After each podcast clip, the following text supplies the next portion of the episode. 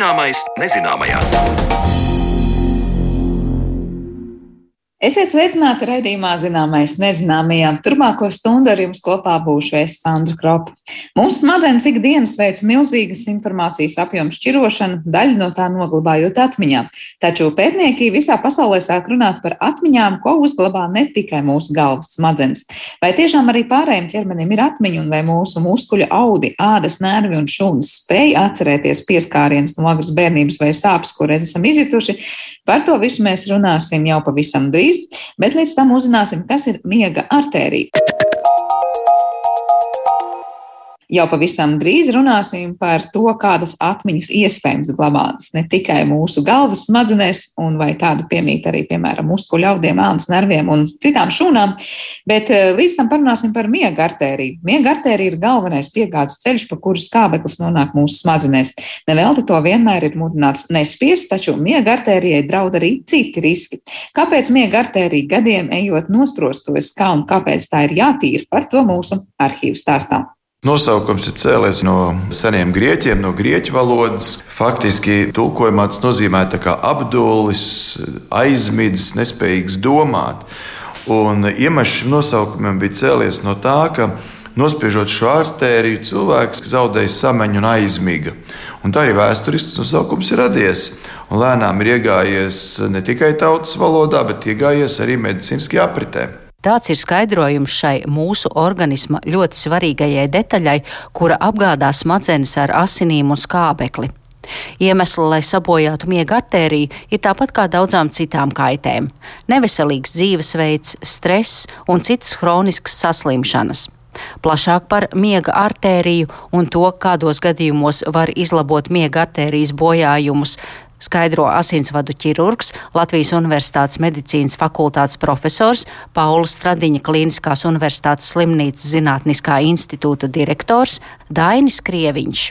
Miega artērija ir viens no galvenajiem zariem, kas attiek no aortas. Tad sirds ir tas orgāns, kas pumpē mums visiem asins, un aorta ir nākošais lielākais asinsvads, kas visas šīs asins aiznes mums dzīvībai svarīgiem orgāniem. Un no aortas attiek divas artērijas, kas ir vissvarīgākās tieši galvas smadzenēm, un tās ir miega artērijas. Ir vēl arī vertebrālās artērijas, mazākas, tās arī iet uz galvas smadzenēm. Varētu teikt tā, ka ja Nieri mums barojas no viena asinsvada, acis varbūt barojas ar no viena asinsvada, tad smadzenēm ir šī privilēģija, ka viņām faktiski ir četri asinsvadi, kas nes asins uz galvu. Un eh, miega artērijas ir nozīmīgākās un lielākās. Tās mums iet pa kakla priekšpusi, ieiet galvas kausā un tālāk aiznes. Nu, varētu teikt, šo brīnumu asins ar skābekli un barības vielām uz galvas smadzenēm. Un, uh, kas ir īpatnēji varbūt galvas smadzenēm, pretēji varbūt rokai, kājai vai citām ķermeņa daļām vai orgāniem, ka galvas smadzenes ir ārkārtīgi jūtīgas, ja viņiem kaut kas pietrūkst. Ja galvas smadzenēm pietrūks barības vielas, ja galvas smadzenēm pietrūks skābeklis, tad ļoti ātri viņas aiziet bojā. Un nervu šūnas ir pirmās mūsu cilvēka ķermenī, kuras šādos apstākļos aiziet bojā. Un, diemžēl šī bojāeja ir neatgriezeniska, jo pašas nervu šūnas gandrīz nemaz neatjaunojās.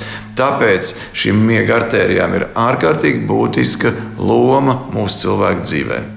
Kā teica profesors Krieviņš, tad Latvijā katru gadu ap 6000 cilvēku ir nopietni veselības traucējumi aizsprostot smiega artērijas dēļ, un tas ir liels skaits. Par aizsprostotu miega artēriju sākotnēji nekādi simptomi neliecina, bet ik viens no mums var doties uz pārbaudi, lai noskaidrotu, cik labi šis orgāns mūsu ķermenī funkcionē. Faktiski jau senie grieķi jau atpazina dažādus tādus kā neiroloģiskus, tad viņi tā nesauc, bet līdzīgi neiroloģiskiem simptomiem un pazīmēm.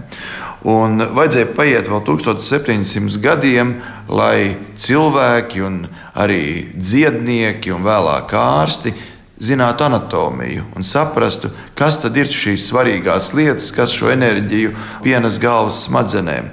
Un eh, vēlāk, jau tikai 19. gadsimta sākumā, angļu ķirurgs Sērs Ašlejs Kupers konstatēja, ka šī miega artērija svarīgā tiek aiztaisīta cieta, cilvēks faktiski ļoti lielos gadījumos nomirst. Nespēja izdzīvot. Un tad jau tas ir bijis jau nedaudz vēlāk, 19. gadsimta beigās, vācu ķirurgs Gluks pirmo reizi dzīvniekam iešuva vēnu bojāta asinsvadu vietā. Tādējādi jau varbūt paverot ceļu tālāk mediķiem uz domu, ka varētu šos asinsvadus arī ārstēt. Un tiešām tas bija tikai pagājušā gadsimta vidus, 1953. gadā amerikāņu ķirurgs Debeikī, kurš pirmais faktiski veica miega artērijas endarterektomiju, jeb kā mēs tautas valodā teiktu, iztīrīja šo miega artērijas vietu, kas sazarojās pirms ieiešanas galvaskausā no aizkaļķošanās. Un tas varētu būt vēsturisks pavērsiens. Un, ja mēs paskatāmies, no kā radās šie bojājumi asinsvadā, lielākoties tie radās aterosklerozes dēļ. Līdzīgi kā tas ir sirdī, līdzīgi kā tas ir kājās. Arī šeit aterosklerozē mīļa vietiņa ir, kur asinsvadi vai nu sadalās, vai sazarojās. Un tad šajās vietās arī nogulsnējās tie sliktie holesterīni, nogulsnējās citas vielas, kaļķis un asinsvads lēnām aizdambējās. Un varbūt galvas smadzenēm varētu pat nebūt tik nozīmīgi, tas asinsvads paliek šaurāks, jo ir arī citi asinsvadi, kā jau iepriekš minēju, otra miega artērija, vēl vertebrālās artērijas, kas aiznes skābekli uz smadzenēm. Bet problēma ir tā, ka, diemžēl, uz šīm plātnītēm, kas veidojas miega artērijā, veidojas trombi. Un tad, ja šis trombs aizpeld pa traumu uz smadzenēm, pacientam ir vai nu insults, vai mikrocirkulācijas traucējumi, vai arī pacients uz kādu īsu brīdi zaudē redzi. Un šie ir ārkārtīgi bīstamas situācijas, jo joprojām insults ir pirmajā vietā. Faktiski, ja mēs paskatāmies ilgstošai darba nespējai un invaliditātei, un arī insults ir trešajā vietā mirstībā. Tātad, ja mēs gribam būt veseli, tad mums ir ļoti, ļoti svarīgi saulaicīgi pievērst tam uzmanību. Ja šī slimība ir notikusi, viņa ir saulaicīgi jārastē. Stradiņa Kliniskās universitātes slimnīcā katru gadu tiek operēti ap 500 pacientiem ar miega artērijas traucējumiem. Un kā bilst mans sarunu biedrs, tad šo operāciju rezultāti ir labi. Līdzīgi kā onkoloģijas pacientiem ir ieviests zaļais koridors, arī Paulas Stradiņa klīniskajā slimnīcā tāds attiecas uz cilvēkiem, kuriem ir konstatēts insulta risks aizsprostotas miega artērijas dēļ. Divu nedēļu laikā šādi cilvēki tiek pie operācijas. Ļoti svarīgi ir savlaicīgi atšķirt, vai šis asinsvads neaiztaisās ciet. Un to var atšķirt dažādos veidos. Pirmkārt, jau skaidrs, ka visiem tiem pacientiem, kuriem būs simptomi atbilstoši, vai insults, vai mikrocirkulācijas traucējumi pārējoši, vai īslaicīgi redzes zudumi, ir jau šajā kategorijā, kur noteikti šī miega artērija ir jāizpēta un jāapskatās. Savukārt, tie cilvēki, kas ir vecāki par 65 gadiem un viņiem ir kāds riska faktors, vai viņi smēķē, vai viņiem ir cukura diabetes, šie ir tie pacienti riska grupā. Un šiem pacientiem arī vajadzētu veikt šo miega artērijas izpēti. Un Latvijā to veikt ir diezgan viegli. Jo katrā mūsu Latvijas reģionā, pilsētā ir pieejama ultraskaņas izmeklējums, kas ir nesāpīgs, kas ir nekaitīgs, neinvazīvs. Ar ultraskaņas izmeklējumu ir iespējams apskatīt šīs miega artērijas un pateikt, vai viņas ir sašaurinātas vai nav. Un, ja ultraskaņas speciālists redz, ka šī miega artērija ir sašaurināta vairāk par 70%, tad jau pacienti tiek sūtīti pie mums pie asinsvadu ķirurgiem, kur tālāk jau mēs lemjam par to, vai šie pacienti nav jāoperē. Stradiņas slimnīcas asinsvadu ķirurģijas centrs ir lielākais centrs Latvijā, un mēs operējam lielākoties šo pacientu. Un operējam ar ļoti labiem rezultātiem. Tā kā pacientam nav jābaidās no šīs operācijas, bet no otras puses jāsaprot, ka šī operācija ir pietiekoši sarežģīta, smalka, jo mēs operējam asinsvadus, kas nes asins uz smadzenēm. Kāda ir tā operācijas gaita, kas notiek? Operācijas laikā parasti pacients neko nejūt, viņš ir narkozē, vispār ir anestezijā, un tajā laikā mēs attaisam šo asinsvadu vaļā un gluži tā kā tādi ņiprie santehniķi. Kad jums mājās kanalizācijas caurule ir aizdambējusies, jums pirmām kārtām pa viņas ir jātiek klāt, jāatrod, kur tad ir tā vieta, kur tad viņa ir aizdambējusies. Pēc tam Jūs vai nu viņu atskrūvējat vaļā, nu mēs attiecīgi pārgriežam šo asinsvadu, iztīrām šo aizdambējušos vietu, mēs iztīrām šo aterotrombotisko plātnīti un pēc tam šo asinsvadu sašujam atkal ciet. Protams, mūsu gadījumā tas protams, nav tik vienkārši kā santehniķiem. Tas varbūt ir tāds līdzībās runājot. Mums ir pacientam, mēs dodam speciālas zāles, lai asins nesaredz, jo asins tomēr ir bioloģiski aktīva viela. Un, ja mēs no ārpuses iejaucamies, viņi mēģina sarecēt, tad mēs dodam speciālas vielas, lai operācijas laikā viņas nesaredz. Mēs lietojam speciālus šuntus, lai tajā brīdī, kamēr mēs šo asinsvadu labojam, tomēr kaut kāds asins daudzums smadzenēm pieplūst. To mēs varam izdarīt. Un atsevišķos gadījumos mēs pacientam veicam arī mazinvazīvas procedūras, ievietojot stentus, kas ir bez šādas lielākas operācijas, bet tie ir vairāk izņēmumu gadījumu, jo atvērta operācija joprojām ir pierādījusi, ka viņu rezultāti ir vislabākie. Faktiski pēc šādas operācijas pacients ir otrajā dienā iet mājās, otrā, trešā dienā iet mājās, ja nekādu komplikāciju pacientam nav. Cik liela ir varbūtība, ka pēc tam vairāk miega artērija neaizkaļķosies, vai to operāciju vienreiz izdara un pacients var dzīvot atlikušo mūžu mierīgi? Vai tomēr tāpat kā jūs minējāt to līdzību ar ūdensvadu kanalizāciju, ka ik pa laikam tur mēdz aizdambēties? Skaidrs, ka mēs nevaram izārstēt ar operāciju slimību. Un šī slimība ir ateroskleroze, Tas ir process, kur šie asinsvadi dambējās ciet, kur veidojas šī plātnīte. Un tāpēc vienmēr es arī saviem pacientiem saku, ka numur viens, pirmais, ko mēs runājam, ir nevis operācija, bet pirmais ir dzīvesveids. Mums ir jādara viss, lai tos riska faktorus, kāpēc šī plātnīte veidojās, mazinātu. Pareizs uzturs, fiziskā aktivitāte, normāls arteriālais spiediens. Tiem pacientiem, kuriem ir cukurdibēts, lai viņš ir kontrolēts, lai nav paaugstināts cukuru līmenis asinīs, lai būtu maksimāli mazināts stress mūsu dzīvē, ja mēs to spējam izdarīt. Faktiski visas tās lietas, kas mūsu veselību uzlabo, tas mums ir numur viens jādara. Otrs, Jūsu jautājums, vai var atkārtoties? Jā, var, bet šo jaunu sašaurinājumu veidošanās risks ir aptuveni 3% turpmākajā dzīves laikā. Bet lieli pētījumi ir pierādījuši, ka ja mēs šo sašaurinājumu, būtisko sašaurinājumu neizoperējam, tad pacientam risks insultu dabūt vai šos mikrocirkulācijas traucējumus galvas smadzenēs dabūt, ir 6 līdz 9% katru gadu. Tātad faktiski ar šo operāciju mēs novēršam šo lēno bumbu, uz kuras mēs sēžam, bet mēs, protams, nevaram izslēgt, ka pacientam nākotnē kaut kas var atjaunoties, ja šī slimība progresē. Tāpēc vēlreiz iesaku, rūpēsimies paši par savu veselību un negaidīsim, ka kāds cits par viņu rūpējās. Par miega arterijas lomu mūsu organismā stāstīja Pauls Stradiņa Kliniskās universitātes slimnīcas asinsvadu ķirurgs, Latvijas universitātes profesors Dainis Krieviņš, un ar viņu sazinājās mana kolēģe Zane Lāca. Bet raidījuma turpinājumā mēs pievērsīsimies atmiņām, ko spēj uzglabāt mūsu ķermenis.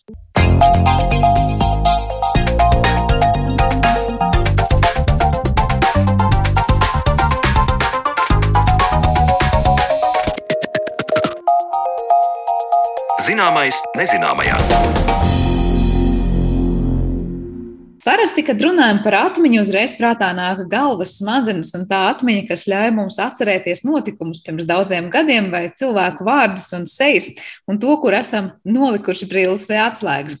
Vai atmiņa piemīt arī mūsu fiziskajam ķermenim, un vai tas spēj atcerēties fiziskas sajūtas, piemēram, pieskārienu sāpes un traumas, kur uzglabāja šīs atmiņas un vai tādas vispār piemīt mūsu fiziskajam ķermenim. Par to mēs runāsim mūsu šodien atlikušajā raidījuma sadaļā, kad attālinātajā studijā viesos esam aicinājuši neiroloģu un Rīgas Stradiņu universitātes asociēto profesoru Eviju Miglānu. Labdien jums! Labdien! Uh, vispirms, varbūt sāksim ar to, uh, vai neiroloģu vidū vispār tiek runāts par tādām nu, ķermeņa spējām uzglabāt atmiņu, jebkur citur, kā ne tikai galvas smadzenēs. Tas ir kaut kāds pieņēmums, tā ir tāda ideja, kurai sekojat, vai tas ir tās nu, jauns strāvojums, par kur domāt? Nu, redziet, nu, ir diezgan dažādi. Jo no vienas puses, protams, ka atmiņa un tas, kā tā veidojas, tā tiek pētīta jau nu, ļoti ilgi, jau gadu desmitiem. Un, uh, Jā, un it kā varētu domāt, nu, ka daudz kas ir izpētīts, jo gal galā mēs ļoti daudz zinām par smadzeņu uzbūvi, par to, kur kāda informācija glabājās. Bet ar vienu tomēr tiek izdarīti jauni atklājumi, un tas ir diezgan tā paradoxāli. No vienas puses par to runājot, bet no otras puses mēs taču zinām, cik daudz dažādu uh, jaunu vizuālās diagnostikas metožu nāk, ienāk klīniskajā praksē, un ne tikai, bet zinātnē galvenokārt. Cik ļoti mēs varam detalizēti izpētīt, kas tad notiek galvas smadzenēs, kāds ir metabolisms, kādas, kādi centri kādā situācijā aktivējas. Un tā kā no, no vienas puses, jā, it kā mēs daudz ko zinām, bet no otras puses, protams, ka tās jaunās tehnoloģijas ir tādas, ka viņas ļauj ar vien precīzāk šo smadzeņu darbību pētīt. Bet kas attiecās uz atmiņu kā tādu, nu, daudz kas ir diezgan labi zināms, bet nu, pēdējos gados tiešām tādi termini kā ķermeņa atmiņa, šūnu atmiņa tiek uh, lietoti. Un, uh, un, un tad, tad, protams, tā neviennozīmīgi tam visam var pieiet. Nu, viena lieta, par ko varbūt par ko var runāt uh, šādā aspektā, ir tā, ka, protams, nu, smadzenes ir tomēr laikam ir nepieciešams, lai atmiņas izveidotos.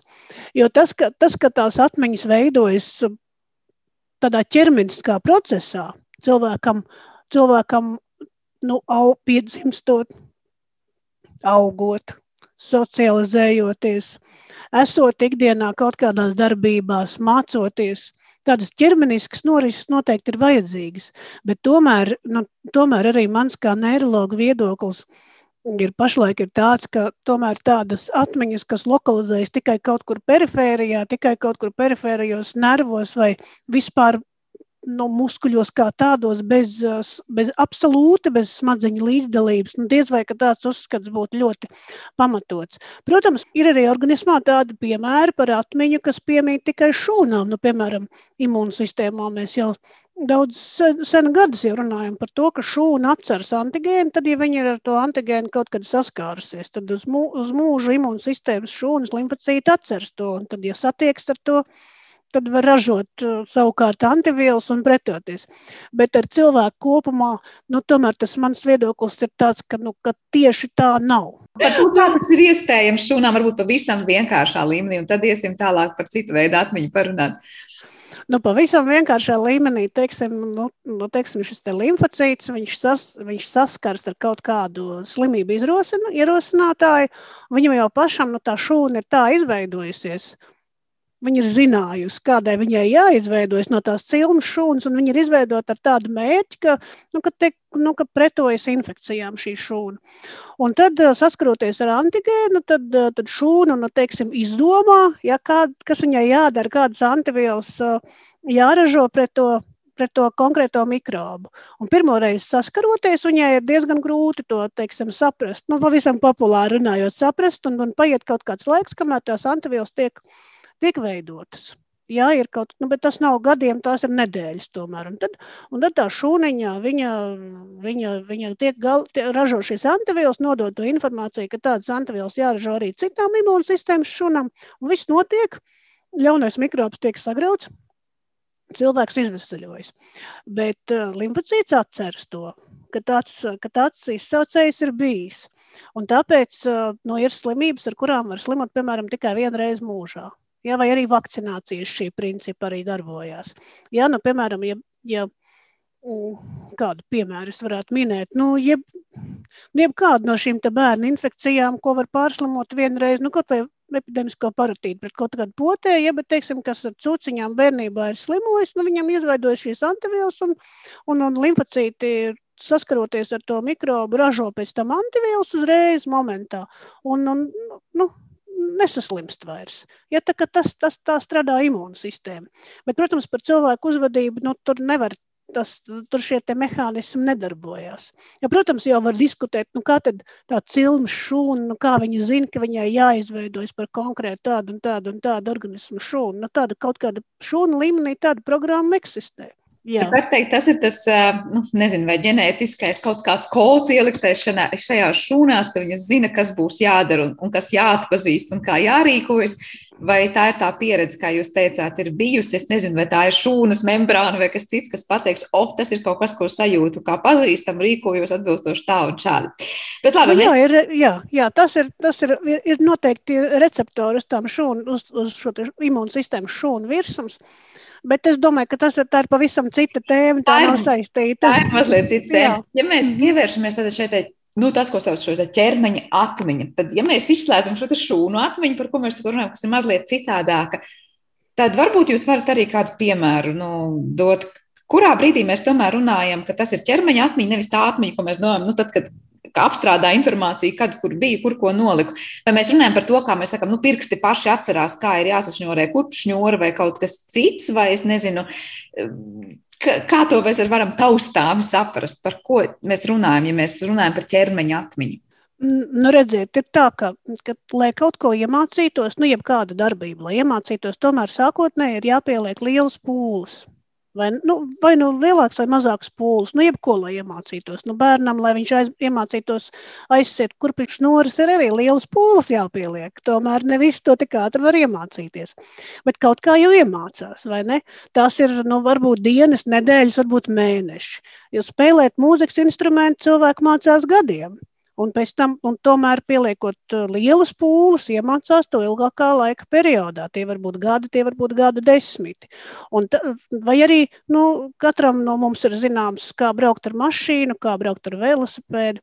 Un, uh, protams, ka mēs ļoti intensīvi nedomājam par to, kā tad, nu, tas jādara. Un, un, un tādā brīdī, kad tas, uh, šis te, šī te darbība pāriet tādā, nu, varētu teikt, tādā nu, zemapziņas, nu, pat, varbūt tas nav īstais termins, tādā, tādā līmenī, ka par to vairs nav jādomā. Tas nozīmē, ka mēs varam runāt par kaut par to, ko mēs varam nosaukt par ķermeņa atmiņu šajā aspektā. Bet tomēr arī galvas smadzenēs ir, ir, ir ļoti daudz reģionu, kuros, kur ir atbildīgi par to tā saucamo šo te automātisko ķermeņa atmiņu. Nu, piemēram, uh, Galvas smadzenes sastāv no lielajām smadzeņu puslodēm, vai ne? Un no smadzenītēm, un no smadzeņu stumbra tādos lielos vilcienos. Un vēl tur ir tādas vidus smadzeņu struktūras un, un struktūras, kas atbild par emocijām, saistīts ar emocijām un emocionālo atmiņu, tā limbiskā sistēma tā saucamā. Bet, bet par šīm darbībām, kuras mēs iemācāmies un kuras, par, par kurām mums vairs nav jādomā, lai tās izpildītu, tās tomēr šīs atmiņas tiek iekodētas galvenokārt par tām atbild smadzenītes. Ja, kas ir, kas ir tāds, tāds nu, smadzenītis, kurš, kuras ir sastāv no divām puslodītēm un tādas struktūras, kas viņas sasaista savā starpā. Un tad, tad smadzenītis koordinē šādas darbības, kuras mēs zinām automātiski. Tā ir viena daļa un nu, viena lokalizācija, kur var būt nu, nozīmīgi šādi centri. Ir. Un, un, un pārējās smadzeņu garotas daļa, kā lai precīzāk pasaka, tad, nu, kustību atmiņā, kustību atmiņā tā dažādu prasmju iemācīšanā ļoti liela nozīme ir tā saucamai asociatīvai garozai tad smadzeņu, asociatīvai smadzeņu garozē. Jo, jo tas, ka mēs veicam kādu darbību kaut kādā noteiktā veidā, savā manierē, ka mēs zinām, ko, nu, kādā veidā mēs varam izpildīt to vai citu darbību. Un tur ir nu, ar smadzenītēm nevienmēr pietiek. Ja tad ir vajadzīgs arī saprast, nu, pats primitīvākais veids, piemēram, būtu nu, kā saģērbties. Mēs taču zinām, ka, kas tur jāvelk pa priekšu, pēc tam, kas jāvelk pēc tam, un ka nevar vispirms uzvilkt kurpes, un pēc tam mēģināt uzvilkt zeķes, un, un, un, un vai arī, nu, teiksim, vai, piemēram, piemēram, nevar uh, uzlikt cepuri un mēģināt saķemmēt matus, nu, tādā veidā, tad tādā līmenī, un, nu, no, nu, no visvienkāršākiem, elementārākiem līdz sarežģītākiem, tad tā asociatīvā garoza tur ir noglabāts tas, ko mēs arī darām nu, neapzināti. Nu, tad, kad mēs apsēžamies pie galda un ēdam, mēs taču zinām, kā paņemt nāzi, dakšiņu, sagriezt, tur, kas tur vajadzīgs. Tālāk. Var teikt, ka tas ir tad, kad bērnībā mēs to nezinu, pirmo, otro, piekto reizi darām, vai redzam, ka mamma uzliek cepuri, ja, un mēs tur nevaram pēc tam tiem matiem neko izdarīt. Jau tad mūsu tajā maziņu garotas daļā notiek kaut kas, kas pasaka, lūk, tas, tā sistēma būs tāda un ne citādāka. Mēs vienkārši to pēc tam visu mūžu atkārtojam, bet kā noteikti atmiņu noglabāšana. Mēs nu, mēs, ne, nu, mēs atkārtojam kaut kādā mērā. Nu, redziet, tad, kad cilvēks kaut ko mācās, nu, jebko, jebko mācās, tad, tad noteikti neironi nu, izveidos saistības, sa, nu, sazinās savā starpā viens ar otru. Un tad, kad sākotnēji, kad mēs to mācāmies, tad ļoti daudz neironu ir iesaistīti tajā visā. Jo tas ir jauns, ir jāveido šie te, nu, šīs, te, šīs te ķēdītes no jauna. Bet tad, kad mēs jau to iemācāmies, ja, tad tas aiziet tādā, tad aiziet tādā, kad tas aiziet jau rutīnā, tad iesaistīt ir ar vien mazāk, ar vien mazāk neironu, jau ar vien mazāk enerģijas jāpatērē smadzenēm. Ja starp citu tāda atkāpa no tā, tāpēc iesaka ar vien kaut ko jaunu, nu mainīt savā dzīvē, nu kaut ko mainīt. Nu ne jau tikai frizūru vai ģērbšanās stilu, jā, mainīt uh, kaut kādu maršrutu, kur mēs ejam ikdienas. Ja, lai būtu smadzenēm, nu tā kā no jauna jāpiepūlās. jāpiepūlās, jāpiepūlās. Un ir tāda teorija, ka arī uz šo te to, to, to neironu ceļu reducēšanu pamatojas tas, tā sajūta, ka nu, jo cilvēks vecāks, jo laiks ātrāk skrien. Jā, jo, jo smadzenes aiziet tādā rutīnā. Jā, bet tā kā tiešām tā kā jūs to teicāt, ka bērns bērnībā, protams, ka bērns bērnībā visu uztver, mācās, ļoti reaģē uz visu, un principā viņš mācās izprast pasauli, un tas, kāda nu, kā vecāki uz viņu reaģē, no tā ir ļoti daudz kas atkarīgs. atkarīgs kā viņš dzīvē uzvedīsies, kāda viņam izveidosies tie attiecību modeļi, kā reaģēt. Tad droši vien mēs varam arī runāt par to, ka nu, kaut vai bērnībā mums kāds ir pieskāries, un jautājums, vai mēs to pēc tam atceramies kā kaut ko mīļu, maigu un drošu, ka, piemēram, nu, nezinu, māte vai tēvs ir pieskāries bērnam, un tas mums asociējās ar kaut kādu drošības sajūtu, vai gluži otrādi ir kaut kāda atkal agresija un nepatika. Kā ir ar šo, kā ķermenis atcerās, piemēram, pieskārienu bērnībā, un vai viņš var pēc tam noglabāt to visu kaut kādā tādā informācijā, ka daudzus gadus, un pat gadu desmitus, varbūt cilvēks ķermenis reaģēs pilnīgi citādāk pret to pašu pieskārienu, varbūt bērnam, kurš ir ar pozitīvu pieredzi bērnībā bijis. Nu, jā, nu, ja bērns, nu, bērns jau tomēr nu, ar saviem vecākiem, nu, galvenokārt jau agrā bērnībā, jau lielā mērā tā ir māte, mamma, ar ko bērns komunicē. Un, ja tie bērni, ja tos bērna signālus neizprot, nu, piemēram, vai arī reaģē, nereaģē ne, ne tā, kā bērns būtu gaidījis.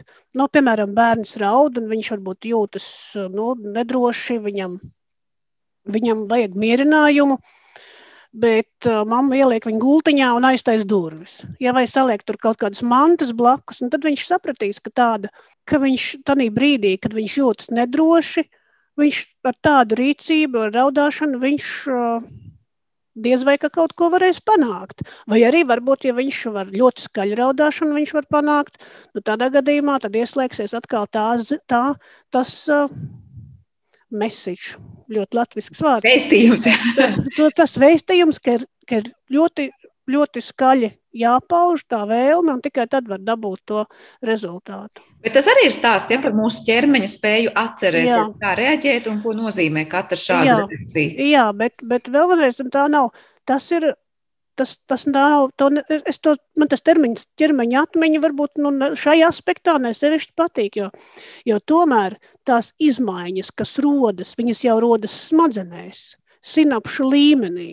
Un tas pamatojoties uz tādu smadzeņu īpašību kā plastiskumu. Jā, jo smadzenes ir plastiskas, un katra tā rīcība, nu, ko, ko, kas notiek īpaši jau agrā bērnībā, viņa atstāja savus, savas pēdas sinaptiskā līmenī sinaptiskā līmenī. Un tad, protams, ka līdzīgā situācijā tās tie neironi, kas bija pieraduši aktivēties reizē, viņi arī aktivēsies reizē tajā pašā ķēdē, atcerēsies arī līdzīgā situācijā, arī vēlākos laika periodos, pieaugušo agrīnā bērnībā, bērnībā vispār pusauģu gados un tā tālāk.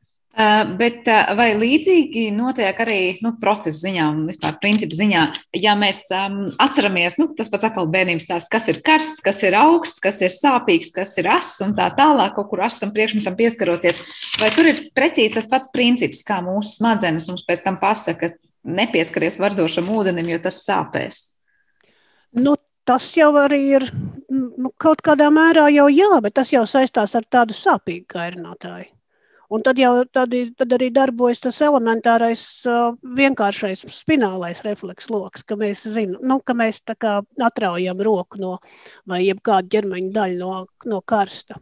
Ja? Bet mēs to atceramies, vai ne visu mūžu? Jā, nu mēs to, to mēs iemācāmies, bet tas varbūt ir tādā vienkāršākā līmenī. Šīs reakcijas uz pasauli, tas ir, tas, tas ir tādā sarežģītā līmenī iekodēta sistēma. Tāpēc jau mēs atšķiramies arī katrs no, no kultūras atšķirās no viena kultūra, no otras, viena nācija no otras. Tāpēc, ka tomēr kaut kādā mērā jau kopīgi vienai nācijai, vienai sabiedrībai ir šie, šie modeļi, kā rīkoties, kā reaģēt. Ja, tā, tās ir divas, ir, tomēr es gribētu nozīm, nodalīt, ka, ka, vien, ka ir viena tā ir atmiņa, kas ir emocionālā atmiņa, kas ir saistīta ar, ar to, kas ir saistīta ar to, kāda tā bērnība ir bijusi, kā, kā bērns ir audzis, un otra ir tā kustība atmiņa, kas ir kinestētiskā atmiņa, kas ir tieši, ļoti tieši saistīta ar smadzenītēm.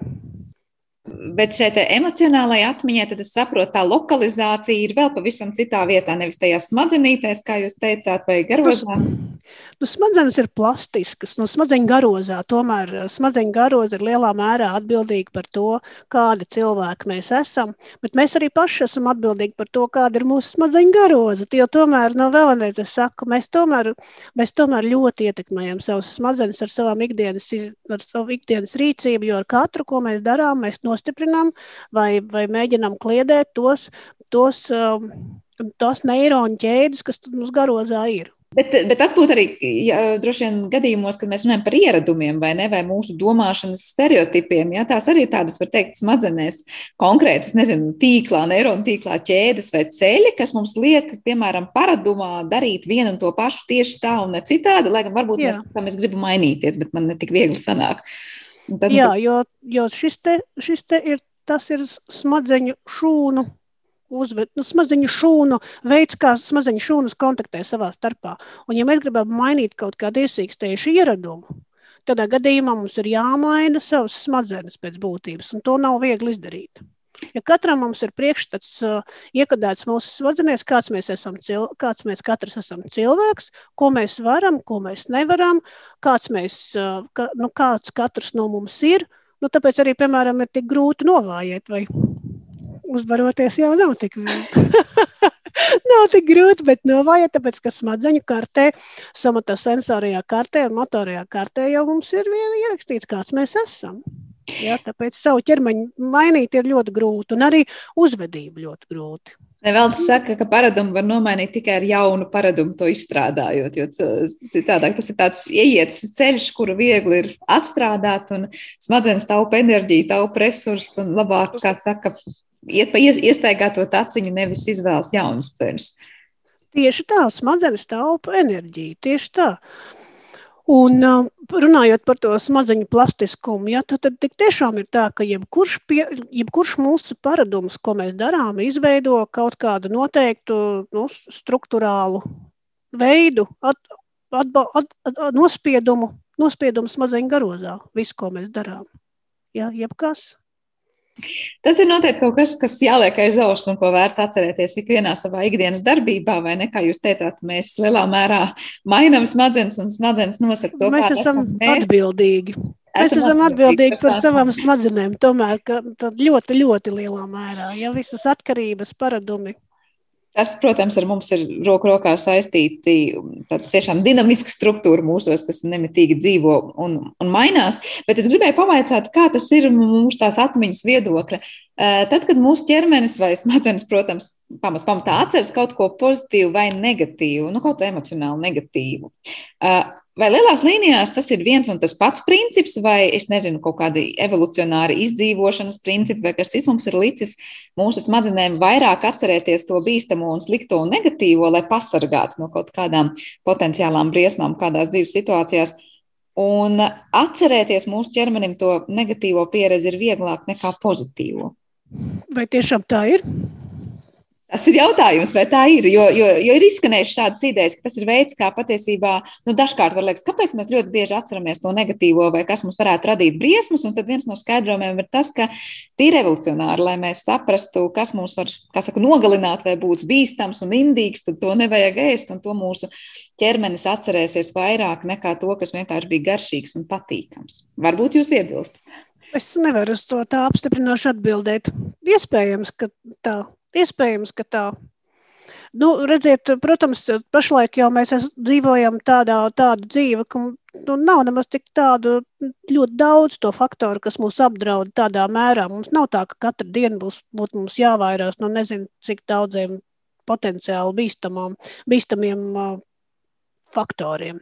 Bet, uh, bet jā, nu, ja mēs ticam, ja mēs pieņemam to, kāda uzskata arī pastāv, kam gan arī nav nekāda tāda liela pamatojuma, ka ir eksistē arī tāda epigenētiskā atmiņa, kas, tiek, kas, uh, kas nav, ko nav jāmāca, ja kas pāriet no paudzes paudzē.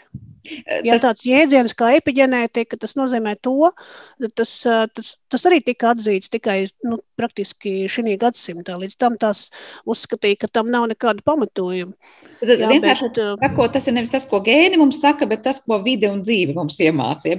Jā, tas, ko iemāca, tas, ko iemāca vide, vide un dzīve, un uzskata, ka tiešām, bet kam arī nav, kam nav tāda viennozīmīga izskaidrojuma, ka ir kaut kādas lietas, ko mēs pārmantojam no paudzes paudzē.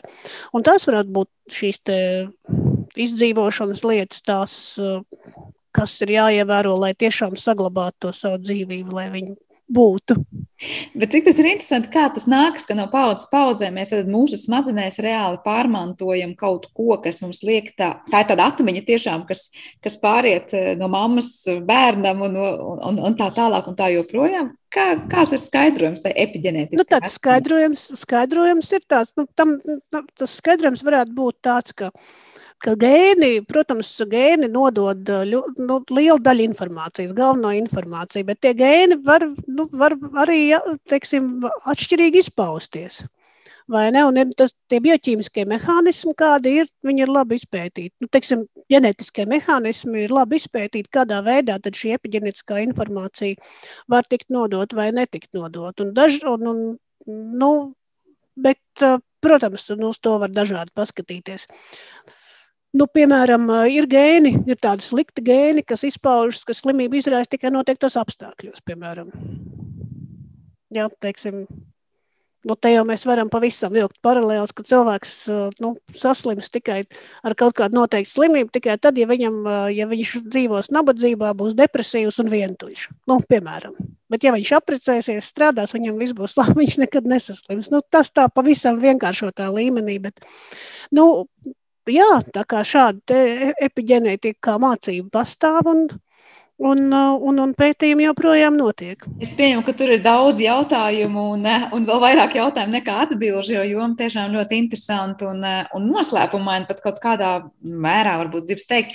Kā ir ar tādu, piemēram, ja mēs runājam par posttraumatiskā stresa sindromu, vai tur arī ir stāsts par to, kā mūsu organisms atceras kaut kādu ļoti negatīvu pieredzi vai sāpīgu, traumējošu pieredzi. Un tās arī ir tās pašas atmiņas, kur mēs runājam par emocionālo šo te, nu, nosacītu lokalizāciju atmiņu vietu, vai tas ir kaut kas pilnīgi cits? Nu, redziet, nu, var to, jā, nu, tas es domāju, ka tas ir lielā mērā saistīts ar to, ka tādā šoka brīdī ir ārkārtīgi augsta neiromediātoru koncentrācija smadzenēs. Ja galvenokārt tiešām tāda stresa, stresa mediātori, nu ne tikai klasisks, ko mēs zinām, adrenalīns, ja, bet arī acetilholīns un, un citi aktivējoši mediātori, un tad arī tās, tās smadzeņu reakcija, nu, tiek ieslēgta tā, tā zem, zemapziņas reakcija, un, kad aktivējas šī autonomā, nu, autonomā nervu sistēma, tā daļa, kur atbild par to, par to, par to cīņu vai bēgšanu. Jā, un tad gan, tad gan atkal atkārtojoties tai situācijai, vai, vai arī kaut vai emocionāli nonākot tai situācijā, atmiņā, tad ieslēdz tie paši mehānismi. Jā, tas bet arī tur, tur, ir vairāk, tur ir vairāk līmeņi, un viens no tiem noteikti ir tas neiroplastiskuma līmenis arī šim posttraumatiskam stresa sindromam. Tad tas vienkārši sakot, nozīmē, ka tajā brīdī, kad tā trauma, nu, nosauksim to tā, tika pier, pie, pieredzēta vai piedzīvota, smadzenes bija nu, ķīmiski ļoti aktīvas. Ja? Tur bija ļoti pakļautas dažādiem, dažādiem ķīmiskiem, ķīmiskām vielām. Nu, tas ir tāds sprādziens smadzenēs, nu, kas, kas notiek. Un pēc tam tas atspoguļojas, var teikt, tādās kā, nu, nezinu, kā lai to ilustrē. Nu, tādā, nu, tādā, tā kā varētu teikt, nu, nekoordinētā neironu darbībā. Un neloģiskā, bezbērķīgā, ja? Nu, nepamatot risinājumu, nedod, kas nedod risinājumu. Bet tas tā. nozīmē, ka tas viss aktivēsies katru reizi, kad eh, cilvēks piedzīvos kaut ko līdzīgu tajā situācijā, kurā tas stress vai tā traumatējošā pieredze bija piedzīvota, vai viņš pats vienkārši atceroties tās atmiņas. Organismu noliks tajā stāvoklī, kad atkal, kā saka, būs tas eh, ķīmisko vielu sprādziens smadzenēs, un tā aktivitāte būs super augsta. Gan tas, gan tas, gan tas gan tas, gan tas. Tur ir tomēr ļoti nopietni, ja tiešām tas ir īsts posttraumatisks stresa sindroms, tad gadījumā tā ārstēšana nebūtu nav vienkārša. Ne, tas, tā ir ne tikai medikamentoza, bet arī psihoterapeitiska un, un, un ne, nevienkārša. Bet mēs laikam nonākam pie tā aspekta, ka nevelti saka, dažkārt mūsu smadzenēm ir pilnīgi vienalga, vai tas, kas eh, notiek šobrīd, ir realitātē, vai tas ir tikai mūsu iztēlē. Nu, piemēram, es nezinu, vai brīdī es pa īstam uzgāzīšu savu karstu krūzi uz rokām, vai tikai iedomāšos līdz pēdējai detaļai, kā notiek un kā tas ir bijis iepriekš. Eh, manās smadzenēs notiks precīzi tie paši un organismā procesi, kas brīdī, kad tā krūze būs reāli uzlieta, vai tikai ar ļoti spēcīgu iztēli un atmiņām uzlieta.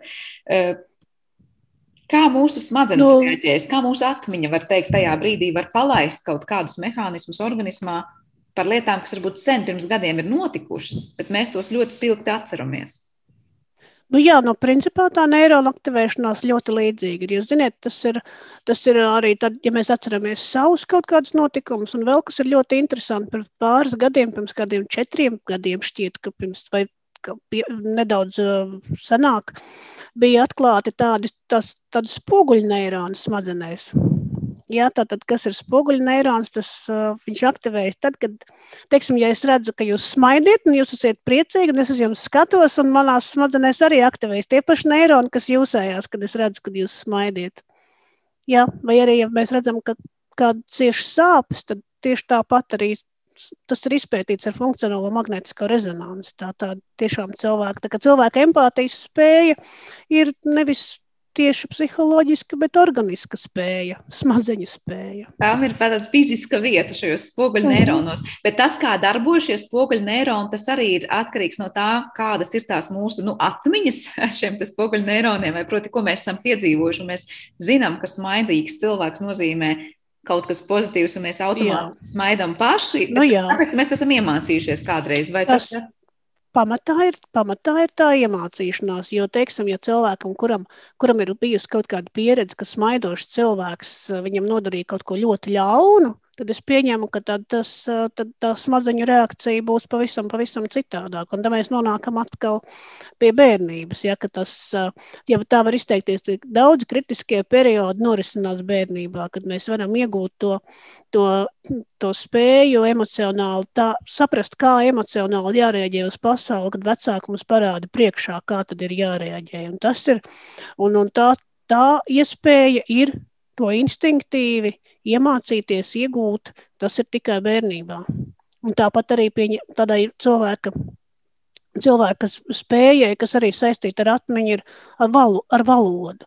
Ja, ja bērns nesāks mācīties val, pirmo valodu, savu dzimto valodu, līdz gada vecumam, viņš nekad neiemācīsies adekvāti runāt. Viņš var iemācīties, protams, speciāli mācoties. Un, Bet, bet ja viņš nedzirdēs valodu līdz gada vecumam, tad šis kritiskais periods beigsies. Jā, tas... līdz gada vecumam, no tādas atmiņas viedokļa, tas ir ļoti, ļoti intensīvs atmiņu veidošanās posms. Jā, tas ir ļoti intensīvs jā, atmiņu noglabāšanas jā, posms. Jā, jā, jā smadzeņu veid, tas ir smadzeņu veidošanās posms.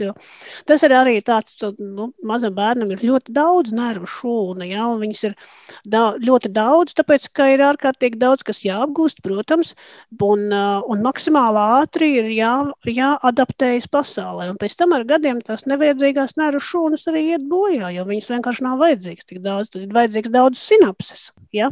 Bet uh, jā, neirāli jaundzimušam ir daudz vairāk nekā mazam bērnam. Bet tas nozīmē vēl te pierādījums tam, ka smadzenes ir jāliek lietā visu dzīvi, un kā jūs teicāt, kas nav vajadzīgs, tas iet bojā, tad, tad pēc iespējas vairāk mēģināt tās trenēt un darbināt, un kaut vai pietiek dažkārt izvēlēties citu maršrutu, ejot mājās, lai, kā saka, tās glabātuves uz, uzturētu dzīves. Eh, bet tad, kad mēs, piemēram, iemācāmies tajā pašā bērnībā, vienalga valodu vai mūzikas instrumentu vai jebko citu, tad varbūt gadu desmitus varam to nelietot un vispār nedzirdēt un neklausīties, un tad varbūt atsaukt atmiņā mācīto. Eh, un liekas, tas notiek daudz ātrāk un daudz efektīvāk. Tas arī ir tāpēc, ka bērnībā tajās atmiņu krātuvēs konkrētā lieta tika iemācīta un noglabāta. Un, uh, tad mūsu dzīvē to visu atsaukt atmiņā daudz ātrāk un efektīvāk. Jā, jā, jā, noteikti. Jā, noteikti jo sākotnēji, tad, tad, ja mēs runājam par mūzikas instrumentu, vai ne, tad, nu, ja mēs esam, nu, noteikti, ka katrs no mums kādreiz ir dzirdējis kādu virtuozu vai redzējis, arī redzējis virtuozs, kad spēlējam klavierus vai violu, būtu ļoti dīvaini, ka tas cilvēks pie katras kustības domātu, kā tad to darīt. Protams, ka ir jābūt, jābūt ir smadzeņu garozā motorajā kartē šīm izmaiņām iekodētām, un, protams, ir jābūt arī pārstāvētām šam, šīm kustībām arī smadzenītēs, ja kā koordinējošā sistēmā, kas tad, ko, kas tad koordinē šo kustību.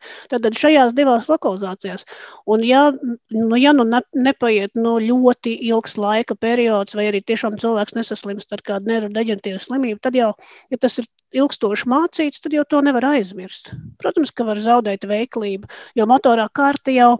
Viņi jau sarūk. Ja viņi nelieto, viņi sarūk. Ja kādai vajadzībai, ja kaut ko mēs mācāmies, tad tā motorā karte galvas smadzeņu garozā palielinās, palielinās, palielinās ar vienu, nu, līdz zināmai, nu, kaut kādas robežas tur ir, protams, vai ne? Un tad, kad viņi ir palielinājusies, tad sinapšu skaits tur pieaug, bet ja mēs to atkal nelietojam, tad sinapšu skaits sarūk.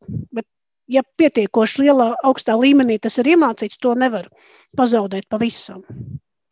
Tā ir labā ziņa, kas, es domāju, liek arī neatmest cerību un mācīties arī vēlākos dzīves posmos daudz ko jaunu, jo tas patiesībā ne tikai interesanti, varbūt noderīgi dzīvē, bet lielā mērā tas aicina mūsu smadzenes un veicina mūsu smadzenes uzturēt sevi ļoti labā kārtībā. Uh, Skaidrs, nu, teikšu jums lielu paldies par šo sarunu, kurā, nu, laikam jau jāsaka, ieskicējam to, cik dažādas var būt tās mūsu atmiņas un cik ļoti tās ir savstarpēji saistītas un sarežģītas cita ar citu. Parasti cilvēkiem liekas teikt, nu, vai tam vispār ir kaut kāds limits un ierobežojums, bet laikam cilvēkiem nav jāsatrauc. Mums tas, ko mūsu smadzenes spēja iemācīties, atcerēties, atmiņā kaut kādu bagātību un neizsmeļamu krājumu, kurus mēs droši varam pildīt un pildīt. Es domāju, ka tie krājumi ir neizsmeļami un vajag tikai būt motivētam un ticēt un, un gribēt. Motivācija, praktizēšanās un griba. Tas ir pats galvenais, kas ir vajadzīgs, lai kaut ko iemācītos. Pie tā arī paliekam. Lielas jums paldies par šo sarunu. Atgādināšu klausītājiem, ka dzirdējām šajā raidījuma pusstundā neiroloģiju un Rīgas Tradiņu universitātes asociēto profesoru Eviju Miglānu, kas šodien viesojas mūsu raidījumā. Un par šo raidījumu, kā parasti parūpējās producenta Paula Gulbinska, mūzikas redaktors bija Girds Bišs, bet ar jums kopā es Sandra Kropa. Mēs tiekamies jau atkal rīt. Visu labu!